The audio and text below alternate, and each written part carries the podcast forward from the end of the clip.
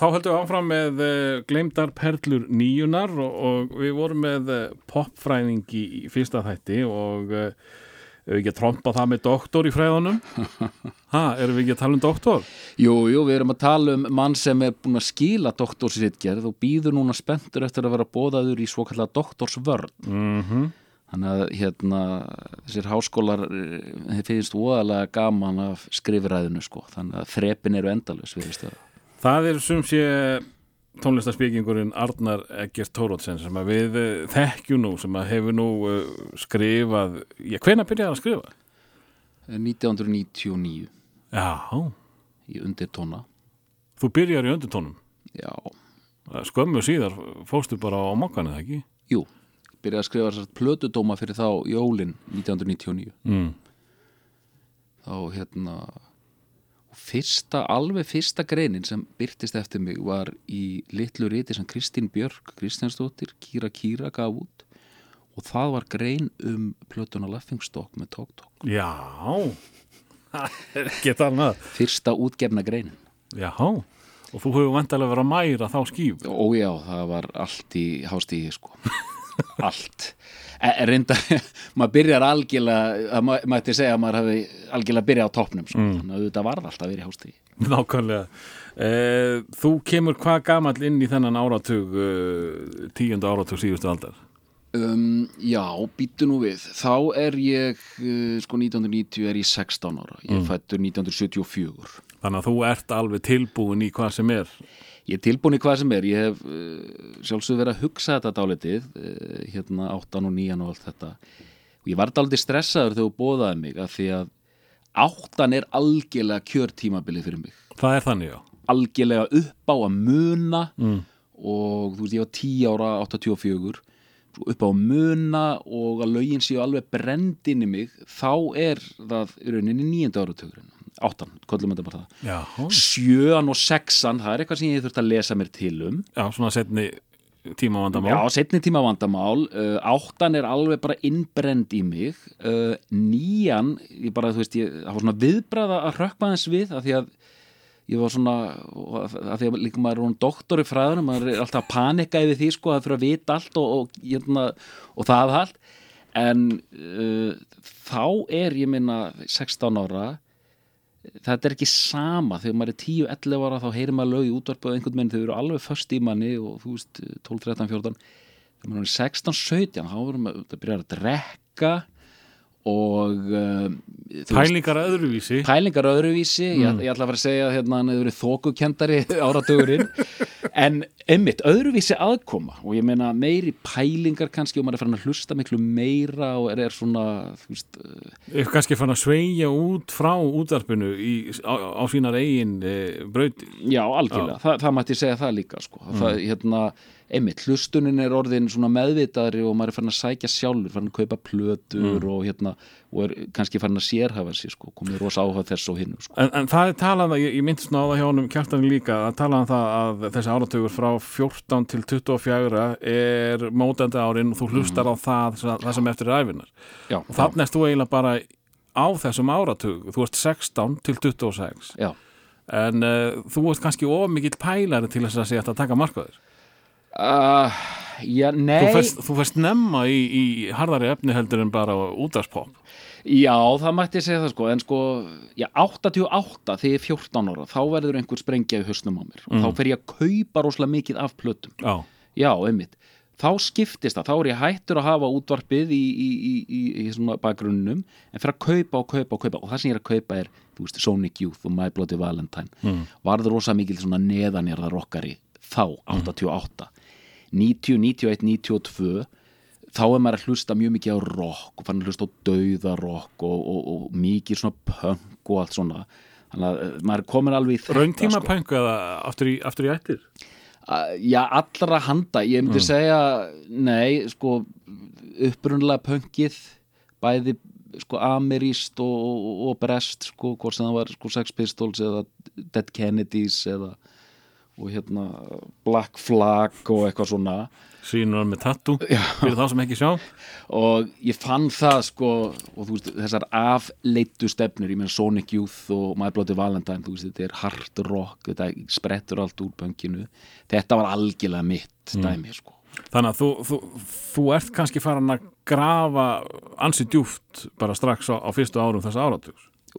Jú, já, já, já, það má algjörlega segja það. Hérna hins vegar auðvitað, maður heyrir tónlist hefur áhuga tónlist, alltaf pælandi tónlist og það sem hérna bjarga mér kannski fyrir hotn hérna í þessum þætti er auðvitað, við skulum fara nánar út í það núna eftir þemað sem ég er í raunin að bjóða upp á. Nú er eftir. þema, það ég, ég las það ekki. Skal hérna það sem sagt bæði sko 90, 91, 92 þá er ég að vinna á lagar í Perlunni þar sem pappi minn heitinn uh, var að reyka veitingastað. Mm. og þá var alltaf útvarp í gangi sem ég auðvitað gæti engur ráðið um. Skilur, það var rást og bylgjan hérna uh, þú veist, þetta var í gangi þannig ég heyrði. Og auðvitað, þú veist, svo mikill töffari og pöngari sko ég, ég Þetta var allt rast. Já, var þetta allt þetta var allt rasl en uh, svo ég komið í strax að svo ég gleymið ekki að lögin sem ég kem með handi ykkur, hlustendur góður og, og, og þú, minn, minn, minn, minn kæri vinnur eru eiginlega öll upprunnin frá sumrunu 1994 Já, og á ég segja frá því hvernig þetta gerðist? Endilega, komdu bara með það. Hérna, ok, þannig að ég var svo sem ekki óvanur að þurfa að láta hérna, þetta sorp yfir mig ganga eftir þessa sumavinnu en það sem gerist 1994, ég er tvítugur bara strákur skilur þú veist, ennþá. Ég og tveir kærir vinnum mínir úr árbænum við sem sagt ákvaðum það og þetta var ekki hugmynd frá mér, hugmynd frá einu vinnum mínum að prófa að sækjum vinnu á hótel í Bretlandi mm. um sömarið þetta er einhvern mann hann um hösti 93 og við tökum okkur til fáum einhvern lista frá okkur ferðarskristofu yfir hótel og sendum út umsóknir til 120 hótela í Bretlandi og breytin er nú svo kurtið sko, við fengum mjög mikið af neitunabrefum sem voru löng og hérna í löngu Og máli persónu, persónulega? Já, að því miður væri nú allar stöður fullar og við í hvað hvað. En við fengum eitt já og það var hótel, sveita hótel í Veils sem bara saði, við erum með vinnuhand ykkur, bara komiði. Og fóruðu við fórum, Já. þrýr saman uh, frýtt fæði, frýtt húsnæði og einhver vasapenningur þarna og unnum þarna sem pikkalóar og þjónar í sal. Það var svona stórt kyrslu hérna uh, sveitahótel og mikið að ellilífur í stöðum sem komið þarna í rútum. Að þetta vissuð ekki. Þetta fyrir mjög vel á stað Þetta fyrir mjög vel á stað.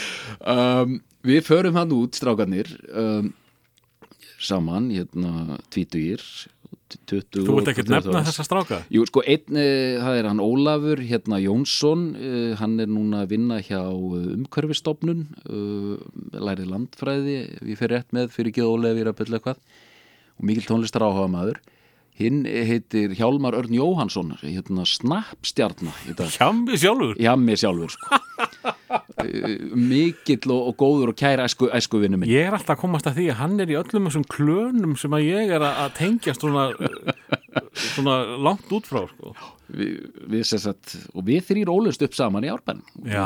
og, ég, ég og Hjálmar erum mjög góði vinnir við erum að fara að hittast bara núna næstu viku sko. En hann er nú ekki þekktur tónlistarspekingur ekki kannski tónlistarspekingur en hann Hann er pælari hann er pælari, hann Já. þekkir, þekkir sín fræði sko, alveg upp á, upp á tíu sko. Mm. hérna Mikill Smiths og Joe Division maður til dæmis og við förum þarna þrýr saman út þetta var algjört ævindýri og uh, skemmtilegt en uh, við vorum bara þrýr saman á herbergi einhverju fortfálegu herbergi þarna í gömlu einhverjum, einhverju svona þú veist, herbergi sem var hægt að nota og þar var sjónvarp. Og, ég, ég, ég, og hérna fyrir einhverju algjöru tilviljun þá rakst ég á myndaalbum núna um daginn frá þessari ferð. Og ég var að skoða myndirnar og ég, ég, held að sjónvarpið hafi verið svona fimm tommur og ég fekk sjokk þegar ég sá þetta. Af því að og nú kem ég að í rauninni endapunkti sögunar á milli vakta þá lágum við bara upp í rúmi, voru þrjú rúmanninn og horfðum á sjónvarpið. MTV og VH1 Já, endalust þannig að hérna, voru svakalega stöðvar á, á þessum Já. tíma sko. þannig að allir þeir smellir og allt uh, öll þau lög sem voru í gangi sumari 94 horfðum við á, horfðum Mm. endalust sko. þannig ólið því þegar ég var að vinna á lagarnum í Perlin og heyrði hérna lög þá hérna var þetta sumari þar sem við horfðum á lög aftur og aftur og aftur því þú veist, það eru ákveðin lög einmitt og myndböndin sem voru spiluð bara endalust sko. hérna, Ok, og, og uh, þaðan koma perlur uh, þáttarins í dag. En uh, uh, sko alveg förum í fyrsta lag þá, þá komst aðeins inn á, á dauðarokkið og, og, og það uh, uh, næri einhverju hámarkið það ekki snemma á þessum áratug eða var það fyrr? Nei, þetta er rétt hjá þér sko, það byrjar svona að krauma 89-90 Hvenar, hvenar vinnur Sóru Órisætt eða þeir vinna 91 Já. Þa, er, það er hámarkið eða hvað? Er, Já. er það toppurinn og, og þessum ísækja? já, ég myndi segja svona 92 Já, síðan 93-94 fyrir þetta niður sko. mm. þannig að 91-92 það er algjör toppurinn á, á döðurokkinni bæði hérlendis og erlendis. Og þá sko þeir vinna þarna músitilunir Mm. þá er ekki mörg ár síðan að- Jójó og Greifarnir unnu þetta. Nákvæmlega. Þannig að svo, var bara, svo er bara gefið heldur betur í. Já, það er eh, ekki sný, nei, hvað er það? Stuðkompanið er með þess að nær 90 þannig að það er ekki mörg ár á milli þarna frá því að fara á gleðipoppi yfir í argasta döðarokk alls ekki og sýnir hérna bæði sko snild hvernig músiktilunum hafa alltaf náða að endurspegla það sem er að gerast í bílskurunum og greinlega hvernig bara hérna hvernig, hvernig smekkur ungs fólk svona breytist bara eittur og bingo sko. hérna Kalli hérna í Sórarist sagði bara hann hefði bara samdægur bara vippað sér úr döðuroksbólnum beint inn í 17 og kaupa sér hérna einhver stælgæja fött en, en getur eitthvað sagt mér að þessari senu? Ég, það, sko ég bjóða landi þetta fór alveg fram hjá mér hérna döðuroksennan Já, Um, ég kynntist henni aðalega í gegnum músitilunir þar sem þessar hljómsveitir Sóru Orusæt, Cranium þar sem Átni Sveins söng hérna undir undir að síðasta já var hann söngar í rockklósi já, já, Átni Sveins var rosalegur sko. hann var með þú veist, þú veist hvernig hann lítur út sko, að hann var með ótrúlega flotta svona, flottan hérna, presence. á sviðinu. Uh, og í kreinu voru dæmis Arnar Guðjónsson hérna, setna í lífs og hérna upptakari með meiru í dag um, og svo framvís ég meina Inflammatory hljómsveit úr Garðabænum, þar voru Pétur Ben Bjarni Gríms um, og, og, og, og, fleiri sko, svona einhverjir sko, spaðar sem fara síðan sko, þú veist, þú veist Ólafur Arnalds var í harkjarnasveitum og, svo liði sko. en hérna á Íslandi við náðum hér á Íslandi að endurspegla mjög vel það sem var að gerast erlendis bæði Bandaríkjónum og Skandinavíu. Sororus er alveg sko mjög flott band, alveg bara döðarokk á heimsmæli það. Algjörlega sko, bara sko, hvernig lögin eru uh, samin og, og allt það en ég meina á þessum tímum bara er engin kostur út, svona útflutningsmöguleika eitthvað svoleiðis. En þessi strákar, þú veist, voru mjög duglegir þá voru menn að senda kassettur á milli í pósti þannig að Íslendingar fylgdust mjög vel með hræringum í, í þessu sko. Og síðan var þetta bara sena eins og senur eru. Þetta kemur nær einmitt hápunkti og síðan svona deyr þetta út. Mm. en mjög öflug sena. Og ég kynntist það var svona kópáksbúar, hlinur aðils og fleiri hann í stregaskóm hérna Trom Ari Steinarsson mm Mhm. trommuleikari í stregaskónum í 42 og kung fu? Já, og Kung Fu. Og stregaskónum í 42 gaf út plötu 1994 sem heitir Blót sem er alveg mögnuð plata, alveg mögnuð Já, ég rockplata. sé menn ennþá vera að tala um hana og, og samfélagsmiðlum sko. þeir voru bara 17, 18, 19 eitthvað svo liður sko þannig að eh, það er mitt mjög sterk sena en þetta er alltaf gerast þarna í, í, í, á, á fyrri parti nýjunar þá erum við með sko döðarokkið við erum með ballsveitinnar alveg á miljón Mhm. Og svona alls konar hræningar gröntsið er á fullu líka. Og Dr. Alban og vinnur hans. Dóttar Alban er vinnur hans og síðan koma sko aðeins setna koma Kolrasa og Maus með þessa nýbylgju inn í þetta sko. Þannig að þetta er alveg fyndi hvað, hvað er mikið í gangi á sama tíma. Já, en, en þetta var þetta var náttúrulega meira neðanjarðar. Og, og meðan uh, þú varst á en þá var uh, Dr. Alban og vinnur hans meira ábyrrandi uh, í útarpinu já og hérna til dæmis með sinn, sinn smell um, og Spindótturs, Spindoktors Lenny Kravitz var hann með alveg- mjög sterkur. mjög sterkur og með frábæra balluð Hva, hvað heitir það aftur? Hérna? it ain't over till it's over. Einmitt, það var lag sem ég fílaði rosalega vel. Og vildir ekki segja frá Nei, ég byttu fyrir Mátt ekki, mátt ekki halda upp á Lenny? Ég, ég þorði því ekki. Já. Ég var ekki jafn cool og hérna Muggisson sem hérna rópar um þá torgum að hann sé Lenny Kravitz aðdándi ég bara var ekki með ég var ekki með einn sterk bein og hann. En þú varst, sko, þú náttúrulega ert mikið að díla við svalan á þessum tíma. Þú Já. ert, þú ert að detti í tvítugt. Já, já, já. þá ertu bara, sko, að ná einhverju svala hámarki í þínu lífi. Já um, Þú mátt ekki, þú mátt ekki hlusta kannski á Lenny, ég veit ekki. Allan ekki náttúrulega blóns nei, það má ekki það er ákveðin hlutir sem þú mátt ekki tala um. Ég Nei. meina ég man að hérna Donald Fagan hérna Stíli Danmar var með lag hérna, hvað hérna, Kamakiriat platan sem hann gaf út, cirka 93 Þekki það ekki? og þú veist, ég var að fíla þetta ég meina, þú fekk eins og Nightfly og þessar plötur, sko, Mhm. bara þetta Stíli Dan Groove, ég var alveg að fíla það ég gæti ekkert talað um það En hvenar fórstu að slaka á svalanum? Hvenar, hvenar þorður að vera bara að segja þetta er gott og mér finnst það og ég stend bara sko hnarreistur á Já, bakveða það. var svona undir restina á háskólaárunum sko. Mm. ég var kannski 23-24 Já, ok. Þá svona fer ég allt inn að opnast meira og meira fer að hlusta á Led Zeppelin fer að hlusta á Stíli Dan fer að Mm. hlusta bara á bara allt og bara og þá einmitt snýr þetta við. Þá í rauninni eiginlega dálítið cool. Að vera hallæðslugur Já, þá getur maður bara sagt bara, heyrðu, ég manna hérna Freyr Eyjólfsson satt með mér hérna á kaffi og lei hérna einhvern tímann og, og þú veist það voru e- loka jólaprófunu voru búin í háskóla og hann segir svona Arnar, hvað er þetta að hlusta þessar myndir? Og ég svara bara strax, stílið hann og hann bara, ha? Og síðan auðvitað eins og maður gerir stundum alveg þusaði yfir honum í 25 mínútur um hvað stílið hann og það er mikið snill, þannig að maður tekur svona skorpur á þessum árum, sko, bara skóplaði þessi í mig, sko bara Getur þú ímyndaðir hvernig lífið hefði verið hefði þú verið með Spotify? Þú geta fengið þetta bara allt saman í pókaðin á núleitni Já, þetta er einmitt það er svo einmitt erfitt að hugsa um þetta. Mhm. þetta, þetta og þegar, þegar ég sest fyrir framann uh, Spotify mitt þá, þá enda ég alltaf á Já. sömu listunum sem ég gerði í hitti fyrir af því það er svo mikið til að með dettur ekkit í hug Nei, þetta er eins og þetta er eins og þú manst þegar maður fór inn á vídeolegu í gamla dag, sko. Mm. maður stóð fyrir framann hérna, maður vissi ekki neitt sko maður eiginlega myndi að býða eftir að rekast bara á hérna, hérna fyrir spjúleir eða hvað leika til ekki bara tekið eitthvað sem að þó þekkti og hlaup út Nákvæmlega. þannig að Spotify er dálítið þannig og veist, þetta er nánast of gott og þarna var maður í hérna, ég nefnilega eh, ég vil ekki frestast að því þól ekki hérna, alltaf verið betri gamla dag og öll þessi romantík en, uh, og ég ætla ekki að fara það, en bara þetta virkaði Já, þú verður eiginlega að gera það. e, Sko ég, hérna, þetta er, f- það er frábært að vera krakki í dag og,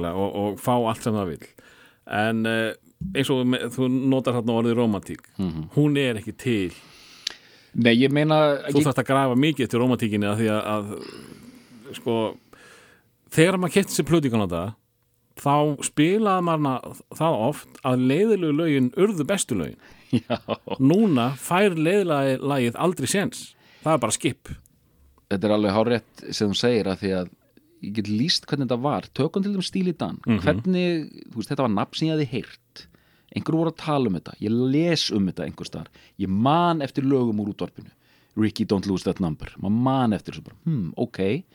En hvar verði ég mér út um efnið? Það er bara kólaportið eða hérna einhverja svona safnarabúður og maður flettir í gegn og það er þetta, þú veist, þá er fyrringurinn komin í magan það er gaman. Það er gaman bara. Hvaða gull finn ég í dag? Hvaða gull finn ég í dag, mm. hvað er ég komið með marga plötur? Mér vantar þessa og þessa og síðan bara flettið maður, "Ah, hann er þetta komið með hérna, Pretzel Logic, á, 300 kall rosa gaman, þú ert í algjör svona gullgrafara hérna feeling.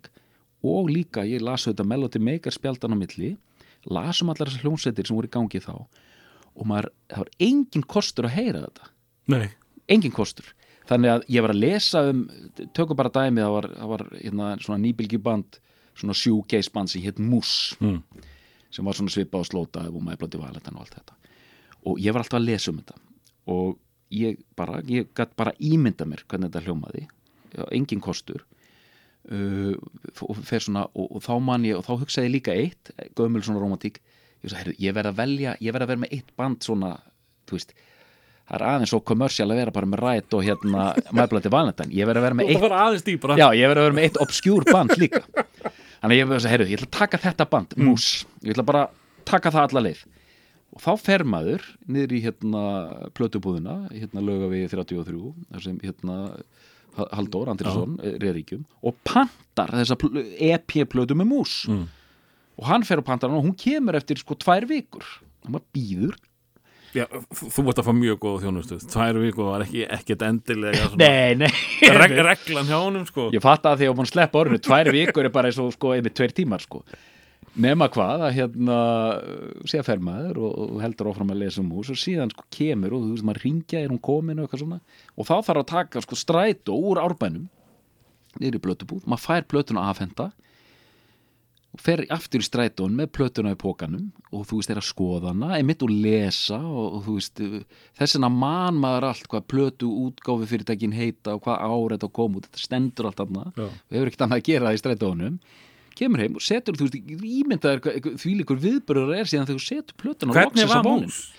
síðan er, já, síðan er enn eitt sko, mús, flott band en eins og þú sagðir, sum lög fannst mér kannski ekkit sérstött þá þarf maður að fara í sko, þarf maður að grilla sjálfan sig í það að fíla þetta sko. Að því að maður er búin að kosta það miklu til bæði tilfinningalega og fjárhagslega að maður hefur ekkit efna á því að fíla þetta ekki. Nákvæmlega og hérna, þannig að sko, eftir að geta maður svona jú, og þeir voru, þetta var fínt band en hérna slagar kannski ekkit upp í sko maður blóti Valentine eða, eða Ræt eða þessar En náðurðu- meistara sveitir sko Náður þér í rockstig fyrir að vera músmaðurinn já, já, Já. var sko, fólk kom í heimsón og þá tók maður þetta fram Mm. og bara, hvað er þetta? ég, ég, sko árum fyrir mig fyrsta lag þá verð ég að, sko það er náttúrulega eitthvað sem gerðist eftir nýjuna en uh, um eitthvað sem að uh, gerðist í grimmri nýju. Það er uh, þegar þú játaðir ekki ástíðina á, á Nirvana. Já, já, já sem að var á nokkuð svafa já, í nýjunni. Og þú talar um að það væri nú ekki merkilegsta band í heimi. Og það var allt vittlust sko hvenær skrifaði þetta? Var þetta á tíu ára ammali plötunar eða eitthvað slúið? Já, þetta var 2002 cirka sko. Og, hérna, og takk fyrir að orða þetta svona ég játa að ég elskaði ekki nirvana. Af því að sko, þú veist maður, getur, maður kemst ekki yfir allt sko. Og uh, þarna var ég þetta ungur blaðamaður. Fyrst og síðast var ég svona dálítið að pota Mhm. í mannskapin, vera með stæla. Uh, en þetta tilefnið var að það var að koma út eitthvað saplata með nirvana og ég, þú veist, hérna ég lega dreg hljómsýnir saman, sundur, sundur og saman í háði. Segi þetta sé nú ekkert merkilegt þetta sé bara þryggja greipa lög og eitthvað svona. Og þá er bara, þú veist, á internetið umræðan fór rosalega mikið fram á hugi.is og allir brjálaðir og Jakob Bjarnar ringdi í mig og, hérna, og, og ég það var svo gaman að vera svona þegar maður er, maður er allt og kurteis og písi í dag sko, þannig er maður bara endalist að stríða það, ég saði við Jakob Þannig eftir rockstjarnar bara. Já, já, þarna, þarna segi Jakob Bjarnar sko, að ég hefði fengið líflátt sótanir og hérna og þá segi ég eitthvað svona, já ég hefði nú samt freka vilja fá líflátt sótanir fyrir eitthvað merkilegt band til dæmis bítlana og, og held áfram að hérna, snúa hnippnum í sárinu sko. þannig að sko og, og, og, en það var eins og það var, jú, jú, og menn réðust á með okkur um barmanni króðu mig af og heimtuðu skýringar. Og já, já, hérna Hallur Már vinnu minn hérna í morgunblæðinu þetta, þetta situr alveg í fólki, sko, fólk þorir ekkert að nefna þetta við mig og fer að varlega og ég var að dreifa bara fyrir stutt einhverju viðtali við Kurt Cobain hérna af YouTube, fólk er alltaf voðalega hissa þegar ég hérna þó ég komi bara eh, veist, komi bara svona kaldur inn bara, heyrðu, þetta er nú merkilegt viðtali við Kurt Cobain það er fólk voðalega hissa, sko. Já, já, já, Ég man eftir því sko hérna þegar að, þegar að Prodigy gaf út Fat of the Land. Mm. þeir voru hérna eh, dansararnir tveir. Já, já, þeir voru farnir að eh, flíka þannig upp á sig að þeir voru hálf svona nasty looking ef ég má sletta. Mhm. En á Fat of the Land þá var Liam farin að eh, vera hálf skuggalegu líka. Já, já. og ég let það út um mér einhver tíma á X-inu náttúrulega Prodigy ógeðslega vinsal hjá X-hlustendum já, já. að Liam var honum ljótu líka. Og það ringdu fullt af fólki og þá voru þarna menn, einhverju hópar sem að sögðu við býðum eftir hérna fyrir utan. Þú verður lamin bara, úst, ég, ég, ég játaði ásmín á sveitinu og fannst þetta frábær Já, plata. já. En ég sagði að Liam var honum ljótur. Það er, það, það er svona stærstu mistug mín. Já. Sko. Ég, ég, ég beigði marga klukkutum og ég ákvaði að fara ekkert út strax sko. Þetta var náttúrulega hérna sko, morgunblansöllin hann að fullt af einhverjum skeitur um þetta fyrir utan. Ég get alveg verið einhver af þeim sem að lemja og þarna, einmitt, þarna er, er, erum við á þessum tíma þegar sko, það er hringt kannski í mann og öskra á mann og einmitt verið að hóta einhverju sko, mér finnst þess að fólk tappi bara af núna í gegnum tölvubókstæði gegnum Facebook sko. Mhm. ég held að ég og þú sko hérna já, einmitt, en þarna er verið að finna, finna mann sko raunverulega einhvers staðar í fjöru sko. Að skella okkur í tónlist? já, já, endilega, endilega E, Þetta er heldur betur gleymd perla og ég er mjög ánað með að fá þetta sem fyrsta lag því e, mér rámaði í þetta og ég hlustaði ekkert á þetta fyrir í dag og e, þetta kemur út sama ár og Zombie með e, Cranberries. Mm, og uh, fyrstu, þetta er rosalega zombilegt og ég er með þetta pæli, sko, það kemur ekki dagsetning, nákvæm dagsetning á, hvena þetta lag kemur út á Wikipediunni en, mm en zombie er seint á árinu. Mm þannig ég er að pæla, var Cranberries eitthvað að, að þefa á þessu þegar að, þegar að þeirra zombie kemur út, en, en hvað við að tala um þarna? Sko, erum við að tala um eitt lag af nokkrum, ef, ef ekki flestum á þessu lista, sem hljómaði linnulítið sumari 94. Í fimmtómanum Já, í fimmtóma sjónvarpa sveitahótel í Veils. mm.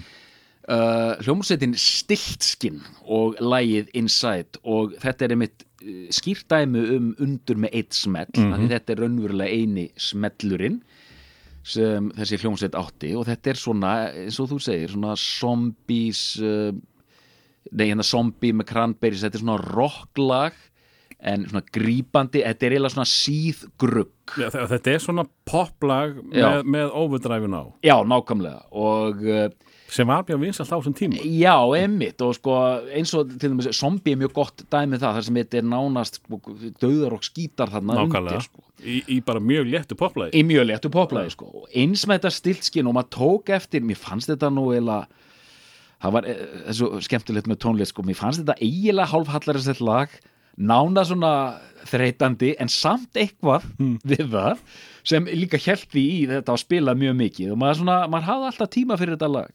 söngvarinn hérna, nú gleymi ég, fórnamni Wilson heitir hann að eftir namni um, hann var mjög góður góður rocksöngvari, svona alveg rosalett drama og ástriða og þú veist þetta var svona vindur í er svona, er svona krítlegt líka já og hann Krít hefur heitt þetta lag eitthvað tíma sko. Algjörlega og séðan er hann takk fyrir ráðinn inn sem sko aðalsöngari Genesis. Í Það kjölfarið. best og, og syngur plötuna þeirra hérna Calling All Stations sem kom út held ég 97 Já. og mik miklu síðar en svona töffari með, með einmitt vel snirt skegg og rosa alvarlegur í þessu í þessu lægi og þetta var alvarlegt en svona hálflægilegt en svona Þetta er, Kraftur. þetta, þetta er uh, perla nýjuna þannig að sko, það má alveg hallaриslegt er, er töff í dag, við getum alveg sagt það. En hann fekk símtalið uh, sko, eftir túrin sem að fylgdi blötunni og, og sagði við ætlum ekki að halda þessu áfram sagði, sögðu Genesis bræður. Já, vegna þess að platan floppaði og þeir þurftu að sleppa því að fara til bandaríkina þegar var engin miðasala. Já. Því þetta er engin Phil Collins Nei, ég sko átta mig ekki alveg á þessum pælingum að hérna þú af því þetta er, þetta er alveg rock söngari Genesis var bara mega popband Já, ég meina, ég skil ekki sko að akkur þeir lokuðu sig ekki bara með en ég meina, Genesis á þetta sögu af, af hérna, skiptum söngvara. Mm. og þeir greinlega eitthvað heitir að halda þess áfram en ég meina, þetta bara virkaði ekki. Þetta er svo hérna með Blaze Bailey í Iron Maiden sko, það er svona, þú veist Já, Terence Stamp Darby in excess Já, þú veist, við erum með fullt af svona, hérna, ég ætla að segja skemmtilegum dæmum um einmitt að einhver svona stórsveit tekur inn söngvara og, og ég menna fór ekki NXS síðan í einhvern, einhvern svona hermi söngvara einhvern, einhvern svona- X-faktor söngvara. Þannig fyrir en hann fyrir þarna, þáttinn sem að Magnus tók já, Rockstar Supernova, hétt eitthvað annað in excess Supernova síðast. En heyr, ef að heyra uh, stiltskinn já, hlýðum á lagið. Ég er alveg vissum að eh, 99% þeirra sem að eru að hlusta mun eftir þessu en voru búin að stinglima þessu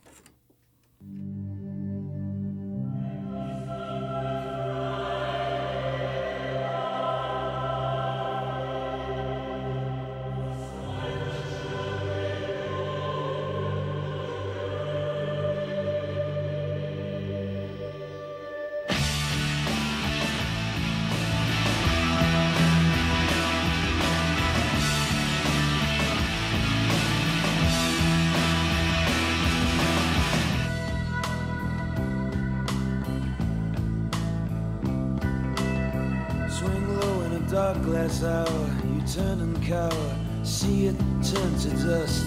Move on a stone dark night, we take to flight, snowfall turns to rust. Seeming a fuse in mind like a nursing rhyme. Fat man starts to fall, here in a hostile place, I hear your face start to call. And if you think that I've been losing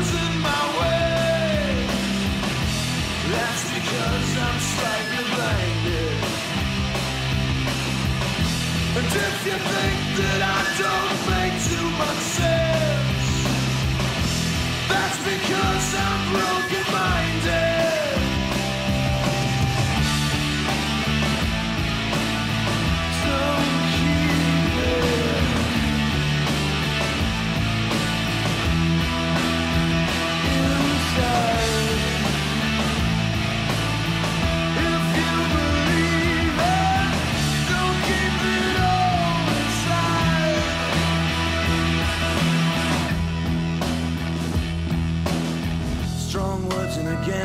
Sky. I have to lie. Shadows move in pairs, ring out from a bruised postcard in the shooting yard.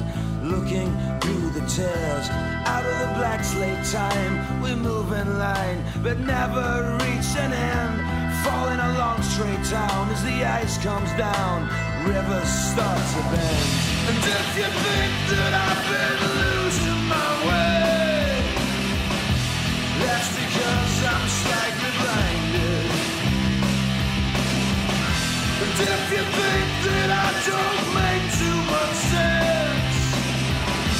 that's because I'm broken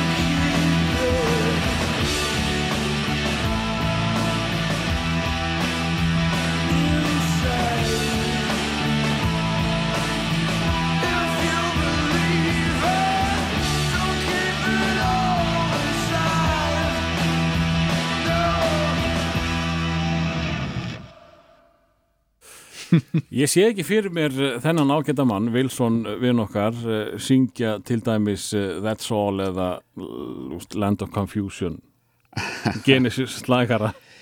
Nei, sko, Ha?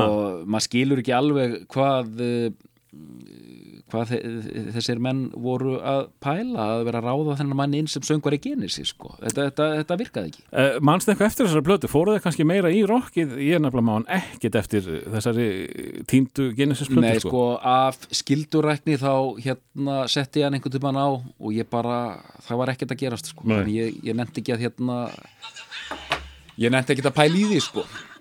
Þannig að uh, sko og, og, þú veist eh, já, ég bara gefi henni ekki tíman sko og hún er sannlega ekki grafin eða tínd eða neitt, það er ekkert perlulegt við þá plötu sko. Uh, sko það var uh, sko, það fættist þarna uh, ákveðin uh, tónlistastefna seint á nýjunda ára til síðustu aldars það var þetta danspop Mm. og það er talað um dansvorið eh, það hafi eiginlega blómstra bara snemma á nýjunni eða í nýjunni. Og þar var danspoppið að kannski að stíga sömu skref og hiphop er að gera í dag með vinsættarist að gera nákvæmlega. Eh, Þú tókst vantilega ekki mikið þátt í því vorri þar sem að þú varst eh, í dauðarokki. Nei, einmitt sko, en auðvitað þú voru að hjálpa með nöfn hérna en ef við tökum mjöna Stone Roses voru byrjar að gera. Mm -hmm. Happy Mondays og svona eitthvað. Happy Mountains nákvæmlega, ég fylgdist alveg með þessu uh, grant sko. Ja, Þú varst svona vinstra megin en þú fórst ekki alveg í sænsku uh, framlistuna Nákvæmlega. Og hérna þannig að maður fer að hérna játast undir sko þegar við erum að tala um svona tekno og þú veist ég minna eins og Fools Gold og svona þegar komin svona hip-hop taktar og svona, svona og raftónlist, manni fannst þetta spennandi en ég var alveg á hliðalínunni sko, ég var ekkit í reyfinu eða, eða neitt þannig og fylgdist. Fórst aldrei í reyfparti Nei, aldrei sko. Það er nefnilega það, það er nefnilega það sko. Ég minna, ég, ég þekki þessa stráka ég minna, þessi strákar, túlestrákarnir og allt þetta sem voru, voru að henda þessu öll í gang sko, þetta er hérna þú veist, ég var með útastætti á útrás sko, það já? Hvað, varstu, hvað varst að taka fyrir þar? Varstu að þá, rokka bara? já, þá vorum við bara að rokka sko. þannig að við komum stundum hann inn og vorum að spila okkar Sónu Gjúð og Maður Valentin og þá voru kannski Þórallir og þeir á undan að spila bara eitthvað eitthva stöf sko frá Chicago og svona, þú veist, bara svona alveg sko brötriðendur hérna á Íslandi sko, þannig að en ég fór ekkert hérna eh, allur inn í þetta og eins og ég segi, danspop ég, auðvitað þurfti þetta að vera dálítið svona hérna strúka á sér höguna, það var ekki fyrir en Warp byrjar að koma með einhver já, já, þá er Arnar ekkert tilbúin sko. Um leið þetta er orðið svona Það var líka komið kontrabass í spilið og þetta þegar þetta er orðið eitthvað svona alvarlegt og neðanjarðar og hérna spekingslegt Partíið farið úr þessu. Partíið farið út úr þessu og hérna hægindastóllinu mættur á svæði Underworld eru komnir Mm. með hérna Dubn og Bass with my Headman og Warp eru farin að gefa út Artificial Intelligence. Þá er ég mættur full force sko. mm, þannig að ég er einmitt öruglega svona, já, dálítið langt utan við hliðalínuna hann 91-92 þegar danspop er, er, er að gerast almennilega. Sko Helgi Már Bjarnason uh, herra Partísson, uh, annar bróðurinn ætlar að taka þátt í einu þætti með okkur og, og ég ætla að spyrja hann um þetta um þessi reyðpartí. Ég bjó Súðavík þegar reyðpartíum voru að tröllur í öllu hérna í höfuborginu og ég, ég, ég bara þefaði ekki eins og ég vissi, vissi falla af þessu sko ég las um þetta í bregskun tímarutum en þetta var það vel falið hér að það var lítið talað um þetta sko. Nei, og ég var, sko, í mentaskóla ég kannski var búin að samfæra sjálfa, sem, sjálfa mig um að ég var einhver hérna nýbylgju töffari, sko, en, en uh, átti kannski aðeins lengra í, í, í land með það en ég sjálfur hérna, þú veist, var að gera mér grein fyrir ég var ekkert eins og þessir töffarar sem voru að skipulegja þessi reyfparti og, og, og voru svona úti alla nóttina, sko, ég, ég náði því aldrei, sko Nei. ég var bara inn í herbergi að hlusta á hérna einhverjar hérna Húskadú. já, bjelliðar með húskadú sko. Þú ert náttúrulega, sko, ég, ég, sko þessna sett ég í, í reglunar að lögin urðu að hafa sérst á vinsaldalista því ég veit að þú ert svona björlega perri þú hefur komið sko fullt fangið af alls konar perlum sem að enginn hefur heilt á minnst já, það, og það, sko, þetta er kannski Já, þetta kannski gerir þetta svona spekingunum svolítið erfitt fyrir að þurfa að elda eitthvað vinsaldapopp en þetta eru gleymdar perlur, þetta er, við erum ekki uppgöta nýjar perlur einmitt, einmitt. og hér er sko ein, ég segi ekki endur á sig gleymd en þetta er perla sem að mætt alveg heyrast oftar og, og uh, þetta er hljómsveitin The Beloved Sko, þarna græði ég einfallega á því að The Beloved, uh, þetta lag var spilað mjög mikið þarna í 15. sjónvarpinu Mhm. 1994. og myndbandi mjög ábyrrandi og skemmtilegt Myndbandi áberandi og skemmtilegt en nú er- nú er ég farin að hérna, nú er ég farin að, mér finnst þess að ég byrjar að tala sjálfa mig niður en við erum að finna þessa likla að manneskjónum Mhm. að likillin fyrir mig í The Beloved var auðvitað sá að The Beloved hafði verið rosalega mikil underground sveit áður Já, hversu langt áður? Sko ég hafði heyrt, nú er ég jafnvel farin að bulla sko og kannski er þetta bara einhver flökkursaga en ég hafði heyrt í gegnum menn eins og Jóhann Eiríksson sem var í hljónsettinni og er í hljónsettinni Reptilicus sem var hérna og er svona industrial hljómsveit. Við erum að tala um Front 242 og allt þetta sko. Hérna uh, Deephead Mode og Zero sko. Front 242 og þessi þetta in, belgiska industrial pop. Ég hafði heyrt að því að The Beloved átt einhverja fortíð sem einhver svonliðs hljómsveit á einhvern hátt. Einmitt, og þá gat Arnar sest rólegur niður fyrir framann beloved og fíla þetta. Mm. en alltjönd og síðan voru einhverjum sögur um svona hvernig þeir höfðu þróast. En ef við tökum þetta bara tökum þetta bara hérna alveg út fyrir svika þetta er þetta alveg ótrúlega flott lag. -hmm. bara fallegt lag flott, bara hvernig það flæðir áfram skemmtilegu texti svona hérna hippalegur eins og var kannski líka á þessum tíma þetta, Já, já, þetta hérna, er uh, Second Summer of Love. Nákvæmlega, þetta tengir algjörlega inn í það hvað, Subdragons, I'm free og þetta dóttar í sko. Og, en það var eitthvað þú veist, mér finnst og þegar maður hugsa um Subdragons og margt af þessu eftir á þá er þetta Já, já.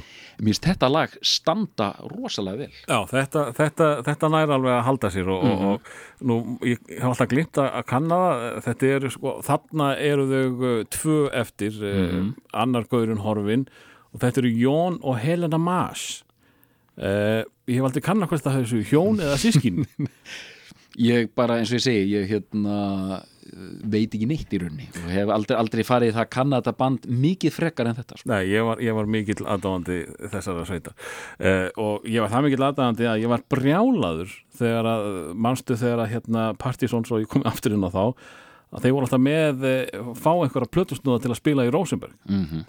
þessi djöfull átt að koma. Ah, sagði síðan að hafi mista flugvillinu eitthvað svolítið, ég var þarna mættur fremstur á, á, á, við sviðið og engin Jón. Og ég er ennþá bara þetta mann ég. Já, árans, sko, þetta mannmaður og á þessum árum mannmaður í það hluti. það, það er ansi mörg á síðan. En heyrum hér eh, The Beloved og eh, lag sem heitir Sweet Harmony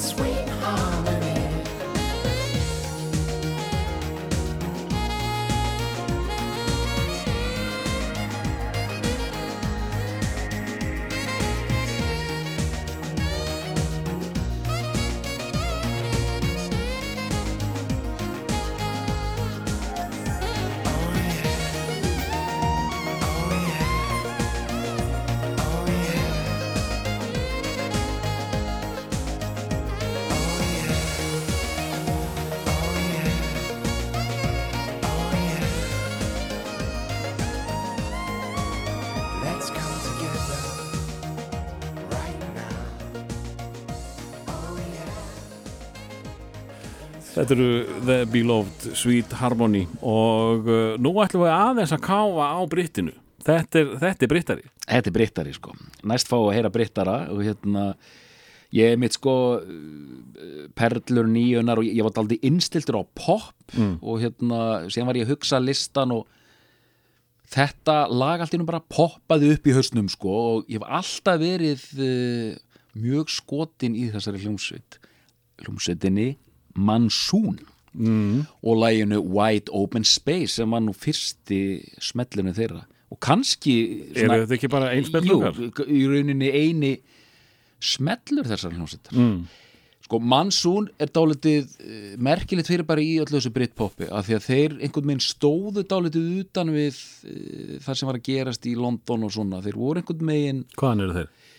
Sko nú mann ég það ekki nákvæmlega sko en þeir einhvern veginn kvörtuðu mikið yfir því að þeir hefðu aldrei verið samþyktir almennilega af senunni sko. Já. þeir gefa þarna út uh, hvað heit fyrsta platan þeirra? The Invisible Grey Lantern eða eitthvað áleika nett progg í þeim þannig séð sko og þetta var sko þetta er svona eins og elbó átt eftir að gera síðast svona hlaðið epíst svona proggað pop einhvern meginn samt með þessu Britpop elementi síðan gefur út plötu sem heitir Six ef ég mann rétt, hvort að það var önnur platan þeirra og ég var mjög hrifin af þessari hljómsveit og mér fannst hún aldrei mér finnst að hún hefði átt að fá mér fannst hún eiga meira inni einhvern meginn sko Þessi, þetta er eina lagi sem að heitist hér á Ísland allavega. Já, algjörlega og ég einhvern megin þetta var lag sem heyrist mikið í útvarpi og á einhvern furðulegan hátt var ég byrjar að hlusta á Mansún og fattaði ekki alveg að þetta væri Mansún-lag sko. Já. Var eitthvað svona komin eitthvað djúft ofan í einhverja plötu með þeim og síðan bara benti vinnu minn já, þannig að Open Space. Og, býtu, er það Mansún og bara svona, já. Og bara fór að hlusta býtu, er þetta ekki aðeins og poppa fyrir Arnar ekkert síðan sko hef ég hérna eh, svona reglubundið leggst ég dálítið í þessar mannsúnplötur og, Já, hérna, já, og bara og þá bara hristi í hausinn sko. Þetta Mm. er bara eins og með vin okkar hérna í lífs sko. Mér finnst fyrstu, fyrstu tvær lífsplötun til dæmis bara alveg óendaleg snild. Mm. en ég meina svona er þetta bara. Þú veist það er fullt af hljómsveitir sem reyna við þetta og bara það er ekki pláss fyrir alla sko. Nákvæmlega, eh, að því þú talar um hérna að Arnar ekkert poppari, þú, eh, þú, þú varst ekkert allt á hrifun á honum en þú varst popparinn á heimilinu. Ef, ef að þið bræður eru teknið saman. Já, við vorum að tala um það hérna einmitt, uh, þetta er alltaf hvaða, þau eru með ákveðnar aðstæður og ákveðn samanburð, í samanburð við hvað ertu poppari og í samanburð hvað ertu rockari og hérna ég meina ég var, ef, ef ég var að taka hérna uh, þú veist, bróði minn var að hlusta á grimt industrial dæmi hérna Throbbing Gristle og eitthvað svona meðan ég var hinum einu hlusta á Led Zeppelin sko. Já. þá er ég þetta hann algjör sko, hérna. Já, algjör skallapoppari, bara fróðupoppari sko og hérna vinir mínir sko ég hef alltaf verið mikill til að fá að segja þetta á íslensku mikill rem maður mm. og fyrir ykkur yngri R.I.M. en, en við köllum þetta rem hérna af ákveðinu kynnslóð er mikill rem maður og það voru margir vinir mínir sem voru mikið að hlusta bara á Crash og hérna Sonic Youth og eitthvað svona það var bara, hvað er þetta, pælarnar hlusta á þetta Ekkert Rem. surg. ekkert surg, allt og miklar harmoníur sko, allt og melodist sko þannig að það gekk ekkert sko. Eh, En uh, Bibi átti samt vinningin, hann var þingri Uh, já, hann Já. hérna hann Körver, uh, bróði minn hérna, eins og hann heitir í dag hann, já, já, hann uh, en hann þekkir allt þetta sko rem, bítlan og allt þetta. Hann er Hvenær- mjög, hvenær mjög kemur- fróður í tónlistinu sko. Hvenær kemur hann út úr skápnum og, og hættir að vera bara brjálaðingur? já, upp á, upp á tónlist Upp á tónlistakera já, ég veit ekki, hann hefur kannski þarf hann hérna þarf að gjalda fyrir það að hann er auðvitað, sko, vinnur ekki við það að vera popfræðingur eins og ég og er ekki að skrifa gaggrín og eitthvað svona en ég meina, ef þú myndir spyrja í hvað sem er sko, sérstaklega þetta þú veist, þess að neðanjara tónlistarsögu þá er hann með hana alveg, alveg koferaða sko Mm. og hérna, þú veist eh, eins og með rem, ég meina hann deilir því alveg með mér sko. Nú, er það? Já, já, hann alveg-? Opinberlega, hann, hann myndi, geti komið hérna og haldið langar tölur um hérna hljónsettina rem sko, þannig hann er hérna hann er með, ég vil sko segja það, hann er með víðan smekk sko, þó hann sé þekktur sko og eins og á þessum árum með hérna toppin hérna Já. og, og búin til, til sína, sína, sína tónlist sko, hérna, þessi industrial áhugi allur sko, en hann var bara þú veist, eins og við svo mörg þarna á þessum tíma við vorum bara að hlusta á nýbylgjurokk mm. bara gefið mér bara, hvað, er, hvað er að gerast sko, Sonic Youth uh, þú veist bara, lá- látum mig hafa eitthvað sko, það er allir mjög mikið að svelgja í sig sko. Eh, á þessum árum þegar að eh, umrættur körfur er að, að, að, að leika sér að búa til nú hef ég heyrti syngja mm -hmm. eh, varst þú ekkit að daðra við þessa drottningu sem tónlistin er? Jú, sko, ég hef stundum spurt mig af hverju maður fór ekki með þetta lengra sko, en sko, ég var með hljómsveit hljómsveit sem hétt Maunir Mm.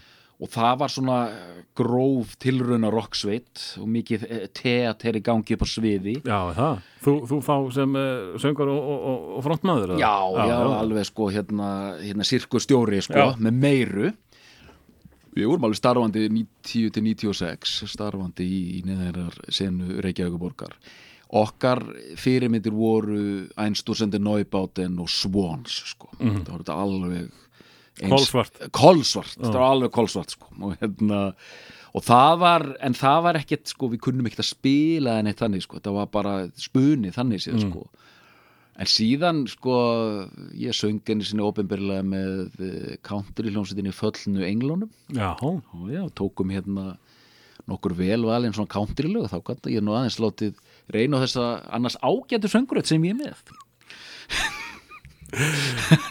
en uh, þetta eru svona helstu sigrar þínir á, á, á daguglega sviðinu uh, en eigu að heyra stærsta sigur Mansún uh, hér á Íslandi í það minnsta?